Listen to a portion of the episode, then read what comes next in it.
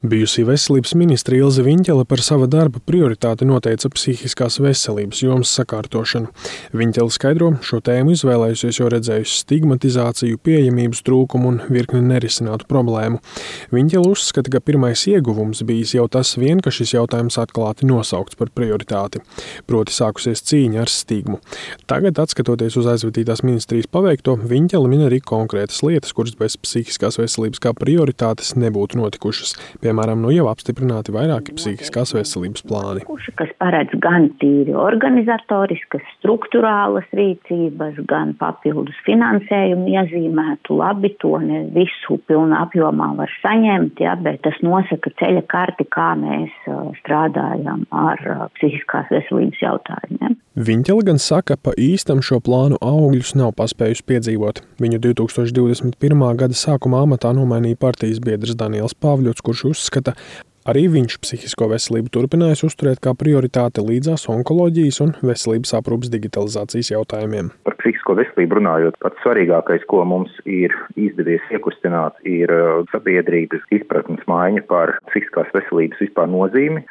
Un arī pašā profesijā jāsaka, pirms vēl šiem četriem gadiem palīdzības līmenis bija tāds visai atpalicis. Tas, ko izdevies panākt, ir ieviest šo multidisciplināro komandu pieeju, ka tur, kur psihiskās veselības ārstēšanas pakalpojumi tiek sniegti, Tas nenozīmē tad automātiski ārstēšanu slimnīcā, tikai psihiatrija, tikai medikamentoza ārstēšana. Tas nozīmē pirmām kārtām to, ka cilvēkiem cenšas palīdzēt ambulatori, cilvēkus neievietojot slimnīcā. Nu, un tad nākamā pakāpe, protams, ko ir izdevies attīstīt pēdējo divu gadu laikā, tas ir nevalstiskā sektora iesaistas pakalpojumu sniegšanā tieši bērniem jauniešiem. Taču daudz detalizētākus konkrētos jauninājumus un uzlabojumus māku uzskaitīt Mārta Krīvade.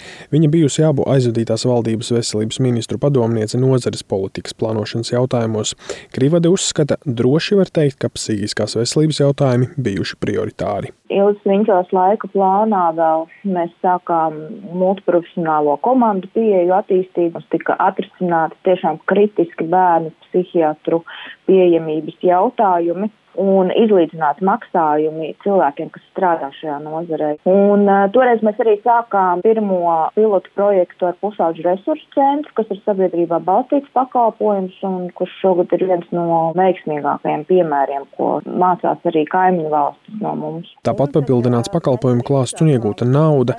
Tas gan lielā mērā noticis pateicoties Covid pandēmijas radītajiem spiedienam. Nemazāk svarīgi kāpināts arī rezidentūras vietu skaits speciālistiem. Liels iegūms ir arī desmit valsts apmaksātās psihoterapeita, psihologa vizītes. Tiesa gan jau iepriekš Latvijas radio stāstījis par problēmām piemeklēt atbilstošus speciālistus, kuri šajā programmā piedalītos. Tāpat pie paveiktajiem darbiem Mārta Krīvada min sabiedrības informēšanu un cieņu ar aizspriedumiem. Piemēram, kampaņā Viss ir norma, cilvēki ar psihiskās veselības traucējumiem dalījās savā pieredzē un mazināja aizspriedumus.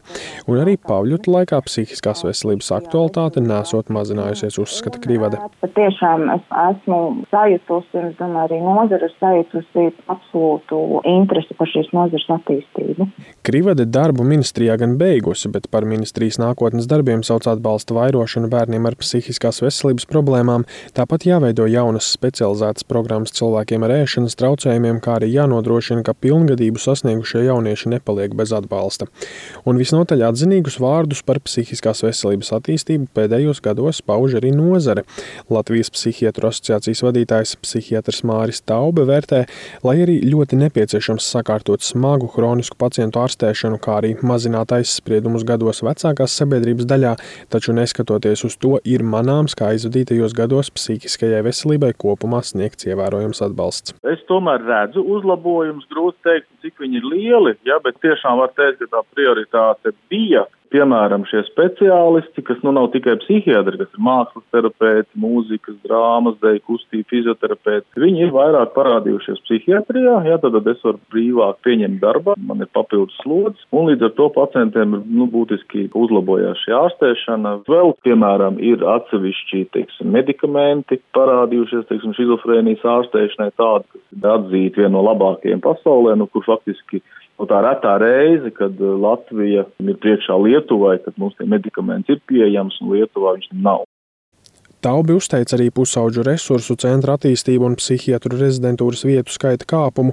Tāpat valsts apmaksātu desmit psihoterapeita vizīšu ieviešanu Taubi vērtē atzinīgi, un to tāpat vērtē arī Latvijas ārstu psihoterapeitu asociācijas vadītāja ārste psihoterapeita Gunta Anžāne.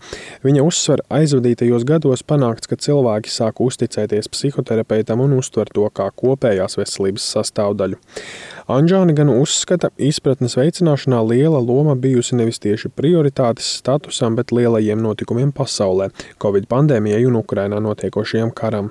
Anžāne uzskaita virkni darbu, pie kuriem vēl jāstrādā. Es domāju, ka jāturpina ieguldīties izglītībā, jāapmāca speciālisti, izglītošana kā tāda, arī bērnu pusauģu vidū, lai viņiem nerodas tā otra galējība, kad par to nerunāja vispār, un tagad tā ir modes lieta. Kad, ja tu tur neesi bijis, tad tu esi vai nu atkritējis vai lūzers. Un uh, pieskarties tai situācijai, kad valsts iesaistās psihoterapeitiskajā procesā uzņemās lielāku daļu kompensāciju. Savukārt aizvadītajos četros gados pēc Anžānas domām jau daudz paveikts vairojot rezidentūras vietas un nodrošinot valsts apmaksātās vizītes, taču tas jāturpina darīt vēl aktīvāk. Bet kā būs tālāk? Veselības ministrijas vadību pārņēmuši jauni politiskie spēki, ministrs amatā stājusies apvienotās saraksta virzītā Līga Mendelsone. Ārsti gan cer, ka arī turpmāk ministrija saprotot, ka visu savest pilnīgā kārtībā nav iespējams, tomēr izvirzīs vienu vai dažas galvenās prioritātes.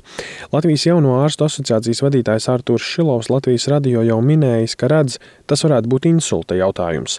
Tur ir daudz uzlabojumu gan profilaksē, gan diagnostikā, speciālistu pieejamībā un ārstēšanā, taču uzrunā apmierināta. Pati jaunā ministre saka, tāda viena prioritāšu prioritāte viņas vadībā gan visticamāk izcelta netiks.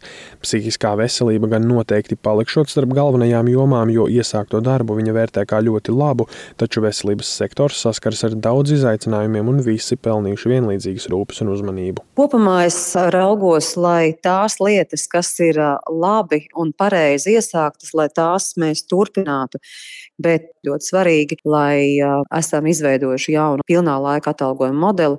Otrā lieta noteikti ir tie jautājumi, kas ir saistīti ar veselības nozares gan strateģiskiem virzieniem, gan arī vienkārši noturību. Un ar to, protams, ir saistīti šīs prioritātes, kas ir tarifi onkoloģijā, tā ir specializētā pārtika, tas ir metodiskās vadības centri, tie mācas un bērna plāna pasākumi, arī paliatīvā aprūpe, primārās veselības aprūpe, reto slimību plants Tāpat jā, psihiskā veselība, rehabilitācija. Nākošais, protams, svarīgais ir ataudze. Un, protams, ka ir, ir, ir tādas daudz lietas, kas ir saistītas ar tarifu pārskatīšanu. Taču to vai darbs cilvēku psihiskās veselības labā ir pamanīts, novērtēt var tikai paši cilvēki.